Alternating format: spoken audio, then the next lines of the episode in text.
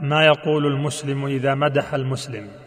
يقول قال صلى الله عليه وسلم إذا كان أحدكم مادحا صاحبه لا محالة فليقل أحسب فلانا والله حسيبه ولا أزكي على الله أحدا. أحسبه إن كان يعلم ذاك كذا وكذا